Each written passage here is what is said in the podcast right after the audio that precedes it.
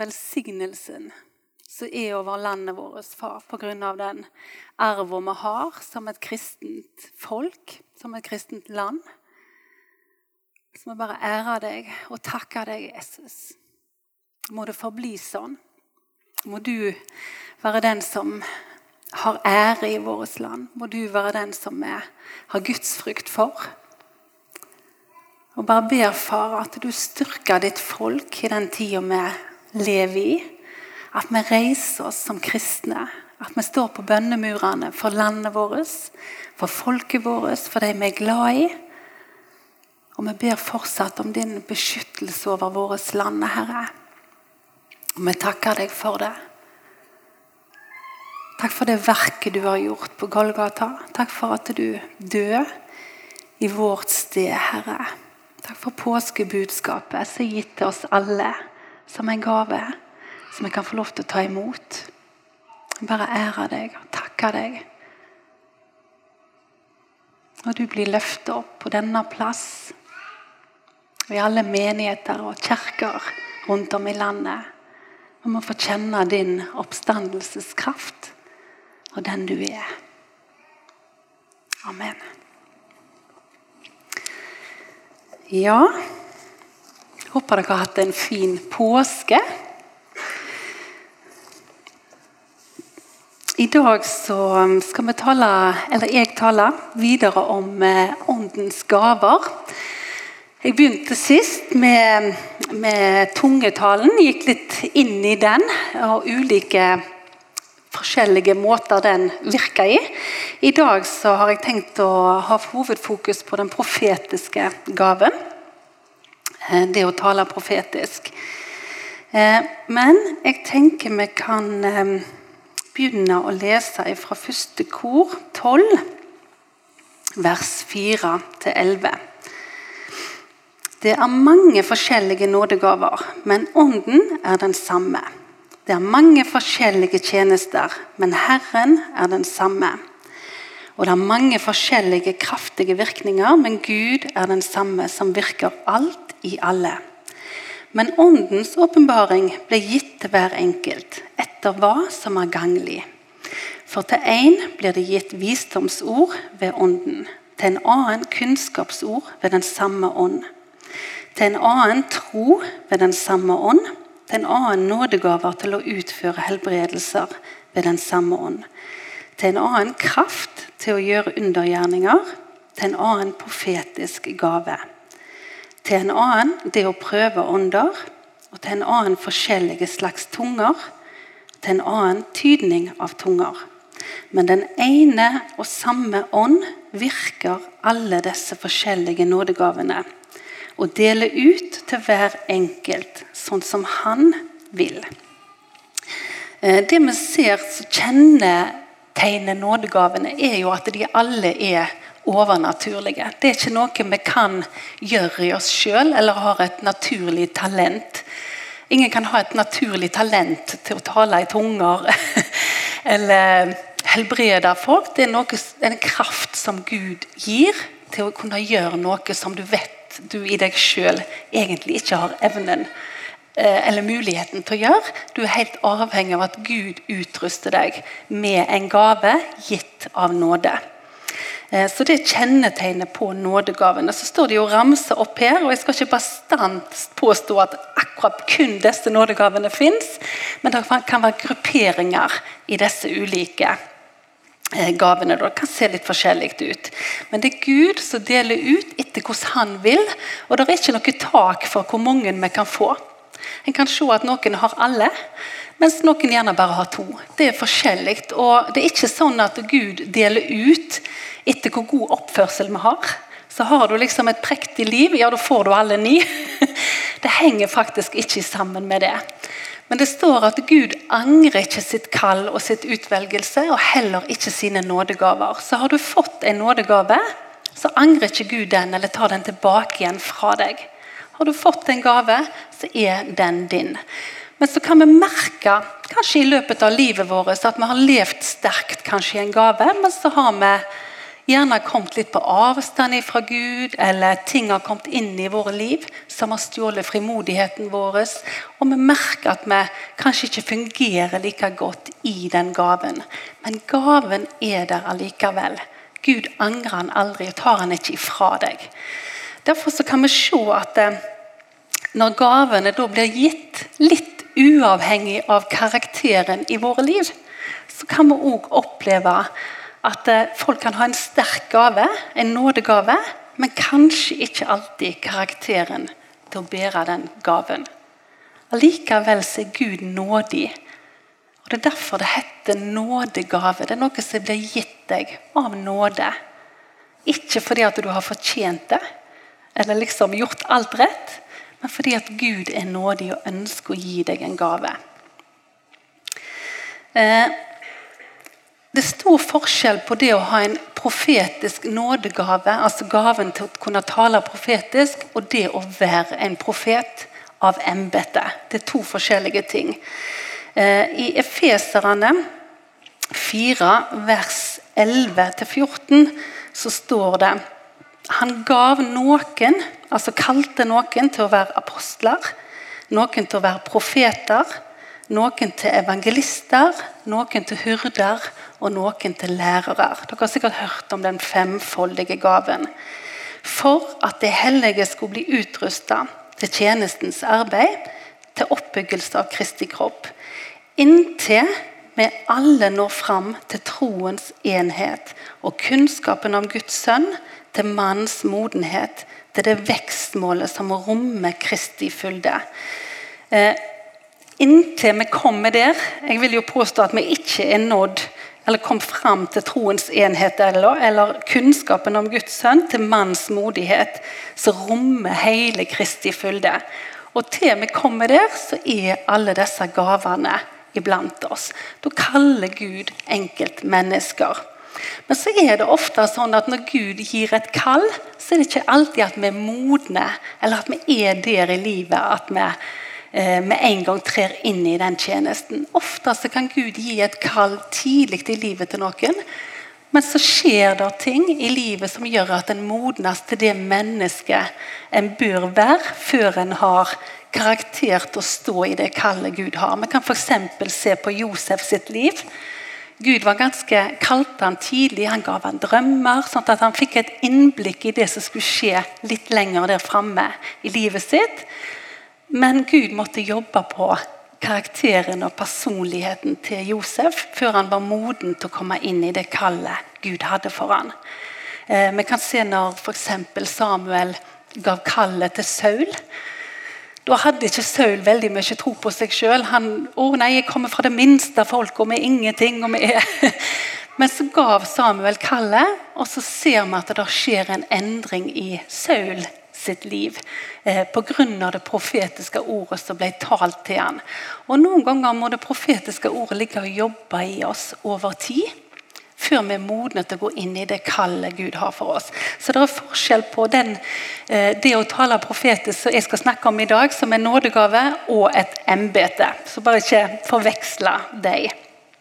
Eh, I første kor 14, vers 31-33, så står det for dere kan alle tale profetisk, én etter én, for at alle kan lære å bli formant. For profetens ånd er underordnet profetene. For Gud er ikke en uordens, men en ordens Gud. Dere kan alle tale profetisk. Det er noe som er tilgjengelig for oss alle. Eh, den profetiske gaven, når vi ser den virksom, så er den ofte kombinert. Det er akkurat som gruppe der med gaven til å skjelne ånder, visdomsord og kunnskapsord. Ofte så kan disse operere litt i sammen, disse fire gavene.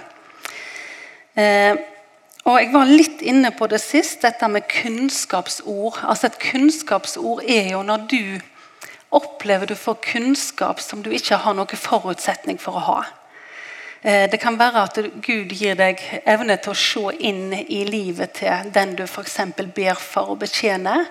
Eh, minner fra barndommen. som du gjerne skal tale ut for at Gud vil vise det mennesket at 'jeg så deg'. Jeg var med deg. Jeg kjenner deg. Det kan være navn som kan komme opp, ting du ikke har noen forutsetning for å kunne i deg sjøl, men ting som Gud vet om vedkommende. Og Gud avslører aldri et menneske offentlig for på en måte peke på feil. og Det er ikke sånn Gud opererer. Men Gud kan gi visdom eller kunnskap til oss som et menneske for at det mennesket skal oppleve seg elsket og sitt av Gud. Eh, så kunnskapsord er ting du ikke i deg sjøl kunne vite om et annet menneske. Eh, visdomsord det er Vi har ofte hørt uttrykket dette med å få et rett ord i rett tid. Eh, men vi ser det vel gjerne veldig tydelig f.eks. i eh, Salamo sitt liv. Kong Salamo. Han var jo av de viseste av alle. Jeg vet ikke om dere husker den historien av disse to damene som begge to mente at det var en baby som var sin. Den ene var dødfødt, og den andre levde. Og så skulle da dommeren, kong Salamo, eh, bestemme hvem sin unge det var. Og Da får han et visdomsord som handler om at de skulle dele ungen i to. Men da kom jo selvfølgelig den ekte mora fram og sa 'spar ungen, gi han til hun andre'. Det var et visdomsord. sånn at eh, et visdomsord er når en, en, ting er fastlåst, du finner ikke retningen, du finner ikke veien. Så kan Gud gi et ord som bare løser det på overnaturlig vis. Med sin visdom som ikke noe menneske gjerne kunne komme på. Og Ofte så er det litt sånn stikk i motsatt det vi hadde gitt med naturlig visdom. Det var ikke så mange som hadde foreslått å delt en unge i to. Men, men, Gud kan gi noen sånne ting som bare løser en situasjon overnaturlig. Eh, så Det er ett eksempel på visdomsord. Det er mange andre eksempler òg. Og jeg har ikke hele bildet. Vi ser stykkevis og delt, alle. Men jeg ønsker å formidle det som jeg føler jeg har fått lys over. Eh, gaven til å prøve ånder er jo òg en, gave som gjerne ikke er så mye forkynt rundt. Eh, og Den nådegaven handler ikke om å finne feil hos alt og alle. Men den er ment oppbyggelse og trøst og beskyttelse for oss. Eh, vi kan merke f.eks. når noe blir båret fram, kanskje vi mottar forbønn eller vi hører en tale, et eller annet, så kan vi noen ganger kjenne at det, det skurrer inni oss. Det er noe som ikke stemmer. Vi har sikkert alle kjent på det. Og det tror jeg rett og slett er beskyttelse fra Gud. Som er litt sånn Ikke sluk dette rått. Prøv det. Så det er Guds vern over vårt liv. Og Det kan godt hende at eh, den som sitter ved siden av deg, der går ordet rett hjem. Men for deg så kjenner du at ah, her skurrer det. Du prøver åndene. Vi har alle kjent Guds ånd, nærværet av Den hellige ånd da har du òg prøvd ei ånd. Du har kjent at dette Nå kjenner jeg Den hellige ånds berøring. Da har du prøvd ei ånd. Eh, det kan være til hjelp for oss i bønn. Eh, hvis du f.eks. ber for et menneske, så kan du gjerne kjenne på en veldig gjerne motløshet eller et eller annet som ligger og, og trykker på en måte. Og Da kan Gud av og til vise disse tingene for at du skal vite hva du skal be. Da skjelner du hva ånd på en måte som trykker dette mennesket. En måte eh, gaven til å prøve ånder eh, fungerer. Eh, ifølge forskning så har vi 80% av tankene våre de er helt naturlig av negativ art. De kommer liksom bare rekende på ei fjøl. Trenger ikke å streve for å få det til, men 80% de er negative. Og Derfor så tenker jeg at eh, som kristne så er vi fantastisk privilegerte. At vi har Guds ord. At vi har forsamlinger vi kan få komme og få ord til oppbyggelse. Bibelens ord er livgivende ord som kan bygge oss opp og hjelpe oss å snu de naturlige negative tankene våre til noe positivt. Det at vi gir Gud og Hans ord rett om det han sier om meg i sitt ord. For Guds ord, står det i Hebreerne 4, vers 12, er levende og virkekraftig og skarpere enn noe tveegga sverd.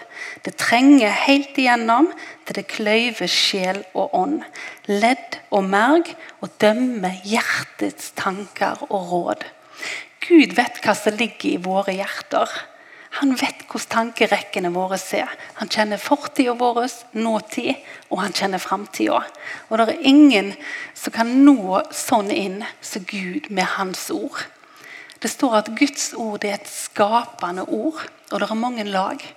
Vi kan si mye fint, og vi kan koble oss på tankens kraft og det ene og det andre.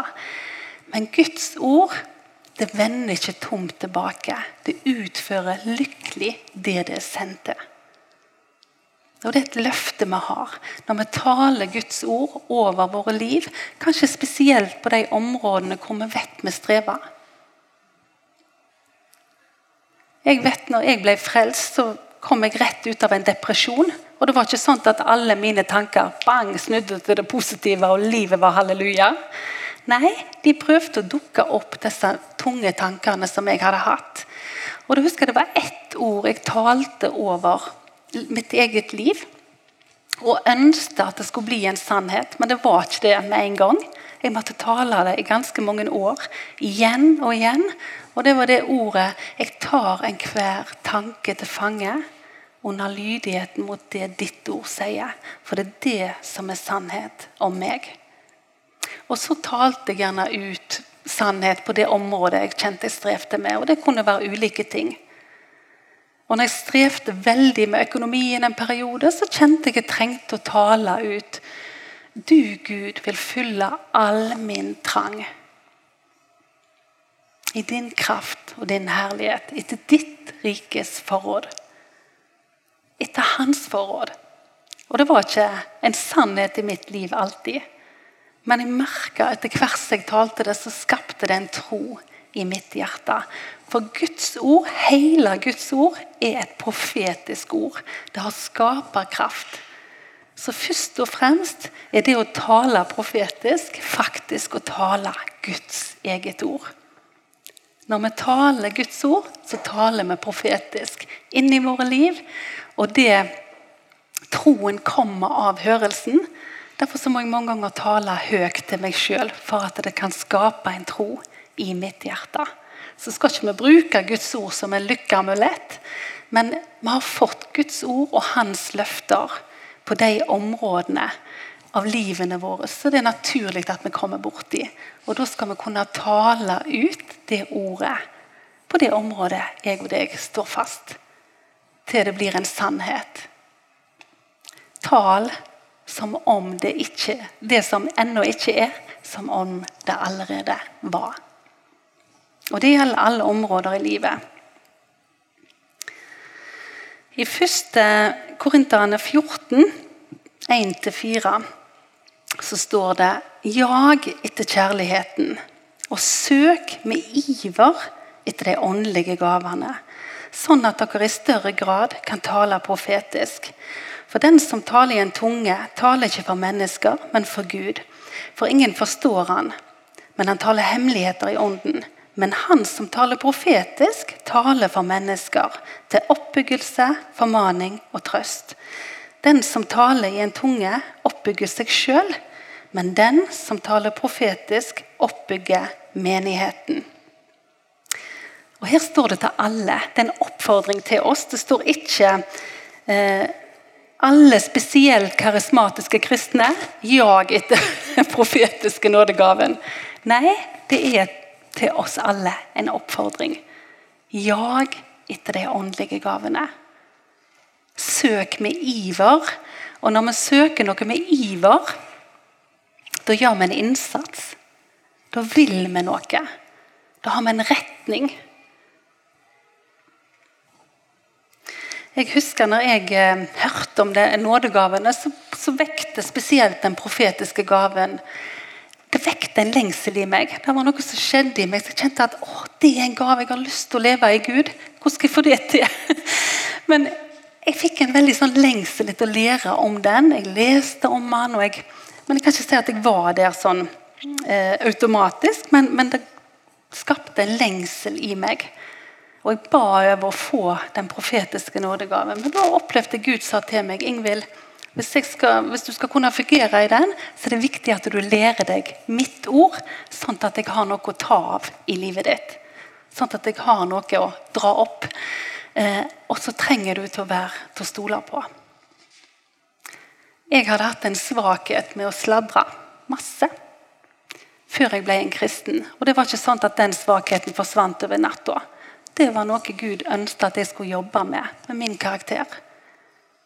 Hvis han skulle kunne ha tillit til meg og vise meg ting. At ikke jeg gikk på bygda med det.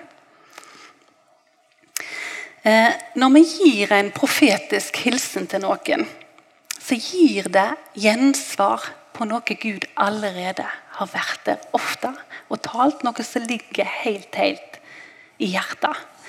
Eh, men det vil være noen ganger hvor det gjerne ikke er det. Sånn som vi så i Saul sitt liv. Han tenkte overhodet ikke om seg sjøl at han skulle bli noe konge. Eh, eller David. Eh, sånn at Det profetiske ordet kan noen ganger være et såkorn òg for noe som ligger foran. En tanke du i det hele tatt ikke har tenkt. Eh, jeg hørte om en som hadde, Det var fem ektepar som var framme til forbønn. Så var det en som skulle betjene dem, be for dem. Og så opplevde han fikk et profetisk ord til den ene dama. Og Han begynte å be over henne. Eh, jeg bare ser at du kommer til å skrive sanger og lede lovsang. Og Hun stopper han midt i forbønnen og sier vet hva, du har sikkert tatt feil. Det er helt sikkert til mannen min, for han er lovsangsleder. Nei, jeg opplever dette et ord til deg. Ja, men jeg er tonedøv. Det kan ikke være til meg. Ja, men bare la meg gi det som jeg opplever Gud har gitt eh, til meg. Og så er du helt fri i forhold til om du vil ta imot eller ei. Men jeg kjenner det ligger sånn på hjertet mitt. Jeg vil gi det til deg. Og så må du prøve det og ta vare på det gode. Du er helt fri til å legge det vekk. Så han gav dette ordet. Og hun følte ikke det traff i det hele tatt. Det var ingen innertier. Men idet hun går ut av lokalet den dagen og setter seg i bilen og de skrur på anlegget, så er ikke hun tonedøv lenger. Da hører hun for første gang musikk, sånn som vi andre holdt på å si, så har gehør. Og ni måneder etterpå så er hun i herlig lovsangstjeneste, skriver egne sanger. Men hun hadde ikke tenkt tanken. Så det kan òg skje. Derfor så sier Guds ord at vi skal prøve alt og ta vare på det gode. Men det profetiske ordet skal prøves. Så vi kan mange ganger bli litt forstyrra. Når en skal be profetisk, så pleier jeg ofte å lukke øynene. Litt fordi at jeg ønsker ikke å bli påvirka av det jeg ser i det ytre. Det er så lett når du gjerne kjenner et menneske, eller et eller annet sånt, hvis det er ei som er veldig beskjeden, og så får jeg et ord som krasjer litt med det, at en ikke gir det. Men det som er Guds natur, vet du, er at han har ofte helt andre tanker for oss og for hverandre enn det gjerne nødvendigvis vi tenker. Så han kan utmerket godt komme med en profeti over ei kjempebeskjeden dame om store ting. For han vet hva han har lagt ned inne. Så mange ganger er Guds tanker stikk i strid med de som ligger i våre liv. For han kjenner det indre, og han ser til hjertet. Husker dere når Samuel skulle utvelge David? Så stilte de fram alle disse flotte, staute karene. Men det var ingen av dem Gud hadde utvalgt. Gud utvelger seg det som ingenting er, ofte. Den som ikke i det naturlige har evnene.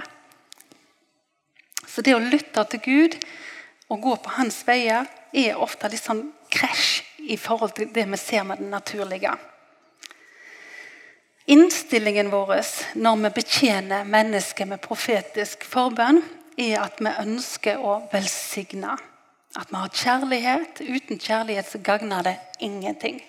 Hvis vi kjenner at vi har issues med et menneske og liksom skal be for å på en måte nesten manipulere dem inn i det vi vil, det, det har ingen hensikt. Og Da vil òg det mennesket kjenne i sin ånd at dette krasjer. Dette gir ikke noe gjensvar. Så det er viktig at vi har rette motiv, at vi har kjærlighet. og velvilje overfor de vi skal betjene og gi et ord til. At vi aldri manipulerer andre og ber våre ønsker over dem, eller det som vi tenker kunne passe bra. Det er kjempefarlig og kan bli veldig usunt. Så alltid kjenn etter på motivene dine. Er mitt motiv nå at jeg ønsker å velsigne og løfte opp dette mennesket? Og den som mottar budskapet, må alltid kjenne etter og være fri til å kjenne. Er dette noe som gir gjensvar i meg, eller så legger vi det ned? Vi skal prøve det profetiske ordet. Det står der en oppfordring om. Eh, og Gud han taler på veldig mange forskjellige måter. Han bruker ofte symbolikk når han taler. Det ser vi gjennom hele Guds ord. Du vil gjerne få indre bilder som gir mening for deg.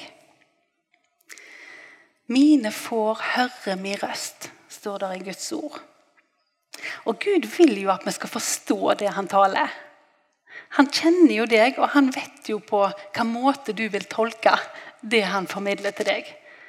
Sånn at han taler unikt til hver eneste en av oss. Jeg kan få bilde av ei oransje appelsin og tolke den på en helt annen måte enn Svein. For, eksempel. for vi er forskjellige mennesker. Så Gud gir oss ulike bilder eh, og ulike måter å høre Han. Noen møter Gud mektig i naturen og opplever virkelig at Gud gir dem en hel gudstjeneste når de er ute og går. Noen møter Gud gjennom musikk og virkelig blir betjent der. Eh, I det kreative, maling, i går var vi på keramikkurs. Altså Gud kan møte oss og gi oss bilder på forskjellige måter.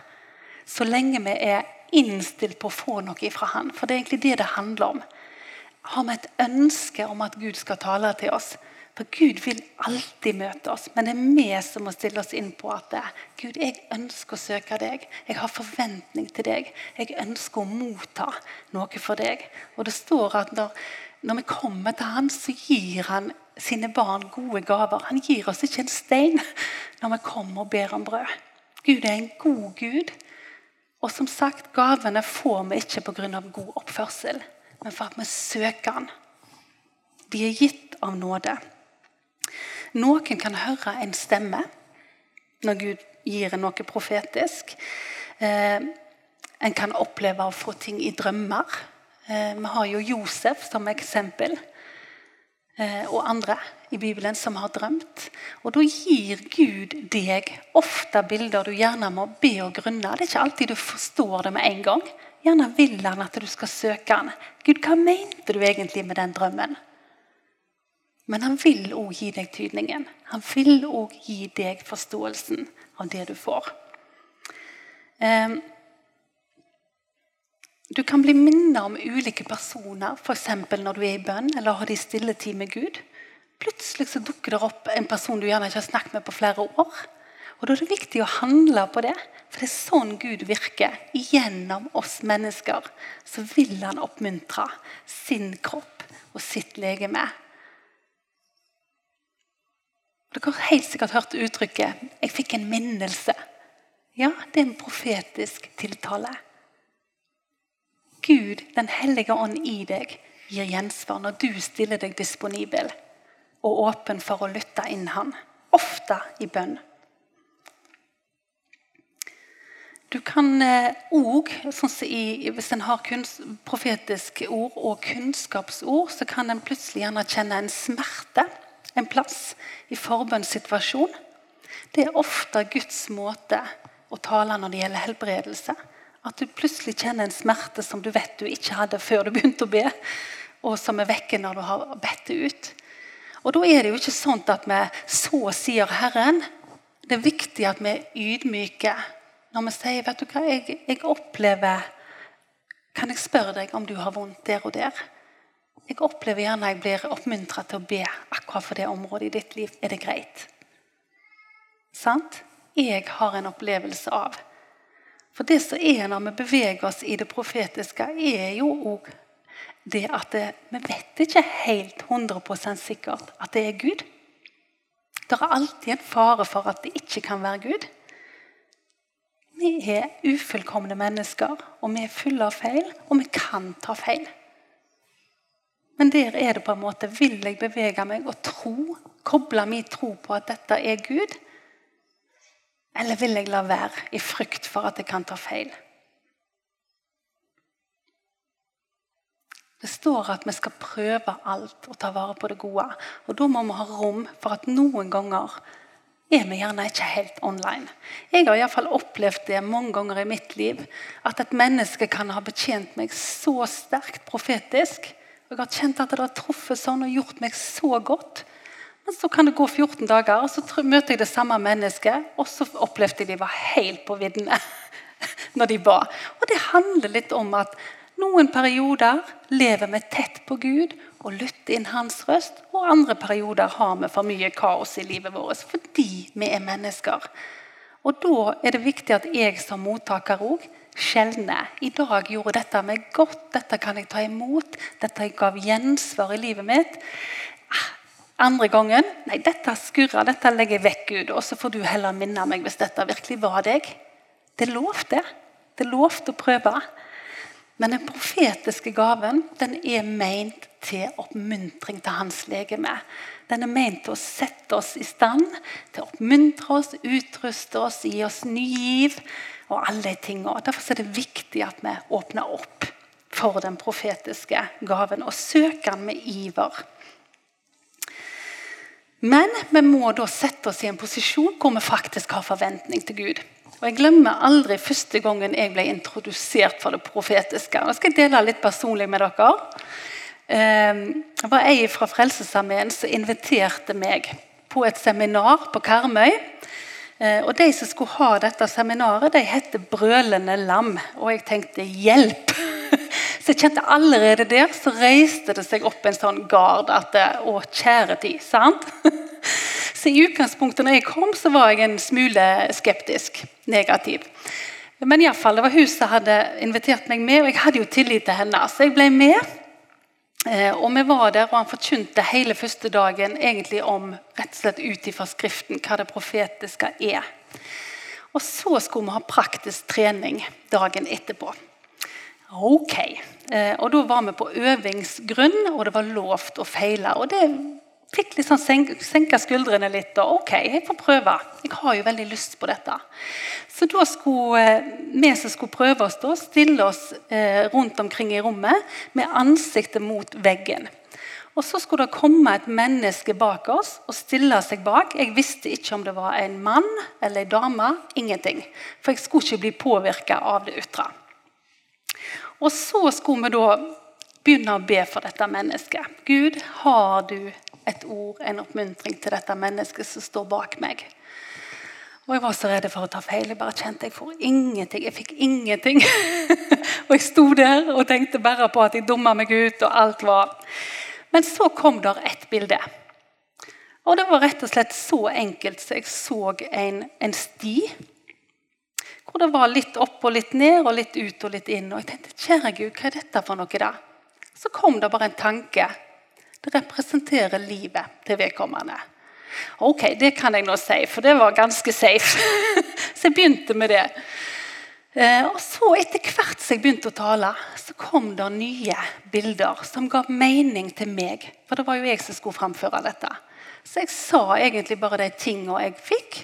Så får jeg plutselig bilde av et hus og så kjente jeg jeg skulle være litt nøye med å si hva farge dette huset var. hva farge det var på listene. Så kom jeg plutselig inn i huset. Der ser jeg en mannsperson, og jeg opplever det er den mannspersonen som står bak meg. Så jeg sa det. Jeg opplever dette i deg, og jeg tror du er en mann, men jeg vet jo ikke. Men jeg ser at du underviser, eh, og jeg ser at du har ei gruppe med, med ungdommer hjemme hos deg, og du underviser dem, for jeg ser Bibelen ligge på bordet. Så det er nok en bibelgruppe eller ei huskirke eller et eller annet sånt. Ja, talte ut forskjellige ting til han her. Og Etter vi hadde gjort det i et kvarters tid, så skulle vi snu oss, og så skulle vedkommende rett og slett bekrefte hva stemte, og hva stemte ikke. Og For meg så var nok det første bekreftelsen i det hele tatt på at jeg kunne Og jeg, jeg hørte faktisk Gud. Det ble en sånn Jøss, det stemte jo. Og da viste det seg at han og kona hadde bedt over skal vi starte ei huskirke hjemme hos oss. Så det ble en bekreftelse på han, på det som allerede lå i hjertet. Og det var en mann. og jeg fikk opp at han hadde tre barn. Han hadde to. Sånn at Det var ikke alt som stemte, men, men det ga meg en veldig feedback på rett og slett det å våge å gå på det profetiske. Og så måtte jeg jo selvfølgelig stille han helt fri til at jeg tar vare på det som gav gjensvar, og legg resten vekk. For denne gaven er ikke for meg, for at jeg skal skinne. Den er jo for legemet, for de vi betjener. Den er ikke for oss. Så jeg skal ikke ha noe ære i om de tar imot eller ei. Det er de fri til å gjøre som de vil med. Og Det er veldig viktig at ikke vi ikke blir fornærma hvis noen ikke tar imot. eller sant? Motivasjonen vår må alltid være at vi ønsker å gi det, å være lydige mot Gud. Og så må det være med det. Eh, og så er det noe med å motta profetier. Så jeg husker da Etter det kurset så satt jeg meg eh, i lag med venninna. Og så bestemte vi oss. Vi øver oss på hverandre. For det var liksom ingen plass en kunne Jeg hadde lyst til å vokse i dette, og vokse i å lære å kjenne Guds stemme og hans måte å tale på. Dere kjenner jo Berit Hostad, mange av dere. Det var jeg og hun som satt i lag. Og så um, sier hun til meg eh, Og hun hadde jo ikke virka i den gaven noe da. Mange år siden. Sikkert 18 år siden eller noe sånt. Så sier hun Ingvild, eh, jeg får et bilde av at du står på Vikahaugane og taler. Ja, jeg lo jo godt, for ikke talte jeg. Hadde aldri talt Guds ord. Og eh, nei, jeg driver jo med lovsang, og, så vi, vi, la jo vekk veldig mye. Men det ordet det kom, dukket opp med jevne mellomrom. Eh, og så gikk det mange år, og så begynte jeg i jobben her. Som forkynner, forsamlingsleder, noe ikke jeg har hatt noe veldig drøm om. Eller tenkt at jeg skulle. Jeg, det var jo lovsang jeg holdt på med. Men så ble jeg invitert eh, til å tale på IMS sin konferanse, årsmøte, på Vikahaugane for et par år siden. Noen av dere var der sikkert. Og Jeg kjente at jeg begynte å grue meg veldig. Det var masse folk, og jeg følte jeg, jeg ikke, har ikke noe teologisk bakgrunn. og Jeg følte meg ganske liten og malplassert. Men da minte Gud meg på det ordet. Husker du, Ingvild? Vikahaugane. Og det ble en sånn Oi, wow! Guri! Det talte han jo til meg for 18 år siden, men da tok jeg ikke imot. og livet mitt var nok ikke der heller. at Verken karakteren eller noen ting var der ennå. Men han sådde et korn. Sånn opererer den profetiske gaven. Den er med på å styrke vår tro, oppmuntre oss, korrigere oss, trøste oss og utruste oss til det vi er kalt til som etterfølgere av Jesus. Men vi må begynne oss begynne et plass, og for å lære oss å kjenne igjen Guds stemme, så må vi øve oss på å kjenne igjen at det er Han. Eh, og Da trenger vi gjerne å være i små fellesskap, trygge plasser hvor vi kjenner at det er andre som er der, vil oss vel, heier på oss, har nåde med oss, har omsorg for oss og våger å gi oss feedback. For feedback er kjempeviktig. Det er jo ikke sånn at vi er fullkomne i gavene med en gang vi begynner. Vi trenger feedback, korrigering, veiledning for å, å bli best mulig representant for Gud eh, med den gaven han har lagt ned i oss. Og så vil vi farge budskapet med den personligheten vi har. Og det er jo Gud klar over. Jeg vil formidle et ord ganske annerledes enn deg, Torstein, f.eks. For, for vi har forskjellig måte å være på. Men det er viktig at vi øver oss. Og Gud, den profetiske talen og hilsenen det er Guds gode gave til oss som forsamling. Han vil oppmuntre oss. Og er det noe vi trenger i dag, så er det virkelig å se Guds kraft. Og oppleve de overnaturlige sidene med den han er. Og det er et fantastisk redskap i møte med folk som ikke tror. Det at de kan få en hilsen som viser dem at Gud så dem. Tenk på Jesus med denne kvinnen med brønnen. Det var det profetiske ordet som åpna øynene hennes. Og det var ikke nødvendigvis et kjempeoppmuntrende ord. Det var et ord som sogna. Men hun omvendte seg. Vi ser Jesus ofte i sin tjeneste. 'Jeg så deg under busken der.' Eller 'Jeg så deg.' Sant? Gud vil vise at han ser mennesker. Og For at folk skal ta imot budskapet, så er det viktig at vi er ydmyke. At ikke vi så sier Herren, men at vi er ydmyke for at vi òg kan ta feil. Det tenker jeg er en like viktig del av den profetiske tjenesten som det å tale han. Men at vi er frimodige og sier at vet du, jeg opplever, kan jeg få lov til å velsigne deg med et ord? Og så setter vi folk fri til å prøve det. Prøve ordet og ta vare på det gode. Er det et offentlig møte, så er det viktig at vi underordner oss den som leder møtet. At vi går fram og spør om lovt, sånn at det kan passes inn der det passer. Eh, og det er litt sånn viktig at Har du et profetisk budskap, eller hva det måtte være, så lenge du har handla på det og vært lydig Kanskje ikke alltid timingen passer, men da har du vært lydig. Selv om du får et nei, så har du gjort det Gud kalte deg om. Og Det er viktig. Men møtelederen må òg lytte til sitt hjerte. Sant? Vi har ulike eh, gaver. Og så er det viktig dette med tidsstyring. Hvis en bærer fram et ord, det er kjempeviktig å holde deg til det du har fått. Ikke legg til en masse. Mange ganger har jeg sett eksempler på at det blir en ny tale etter taleren. Det tenkte aldri Gud. Han vil være med og stadfeste, men det er viktig at vi tuner inn hva ga du meg egentlig, Gud? At ikke vi kommer med en hel tale. Et ord er konkret. Første test 5 vers 19 21. Utslukk ikke ånden. Forakt ikke profetier. Og prøv alle ting, og hold fast på det gode. Det tenker jeg er en viktig leveregel. Utslukk ikke ånden, altså gi rom for Den hellige ånd. Åpne opp. Forakt ikke profetier. Prøv alle ting, og hold fast på det som er godt. Takk, Herre, for ditt ord.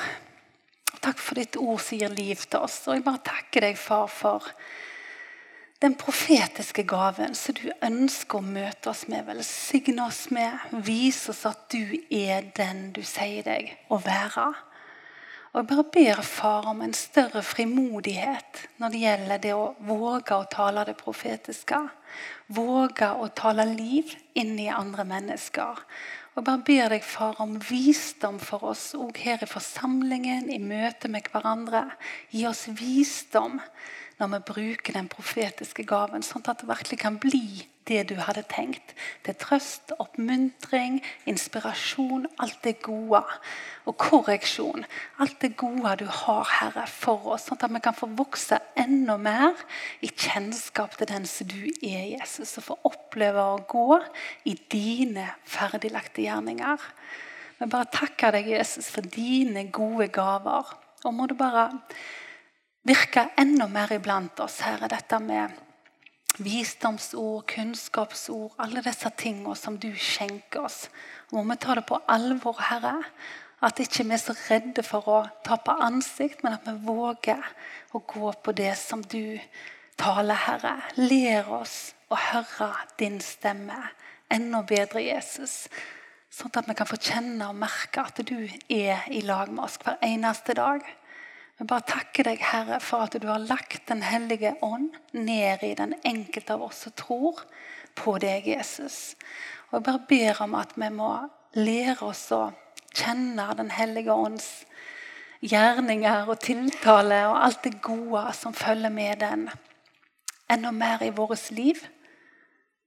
Gjør oss ydmyke, Jesus, sånn at vi våger å tro at det er deg. At vi kan ha den barnslige troa Kjære far, hjelp oss å være et folk som heier på hverandre.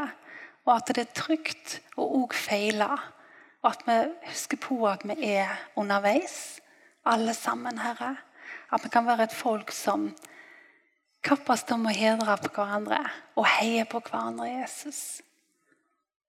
Takk, far. Amen.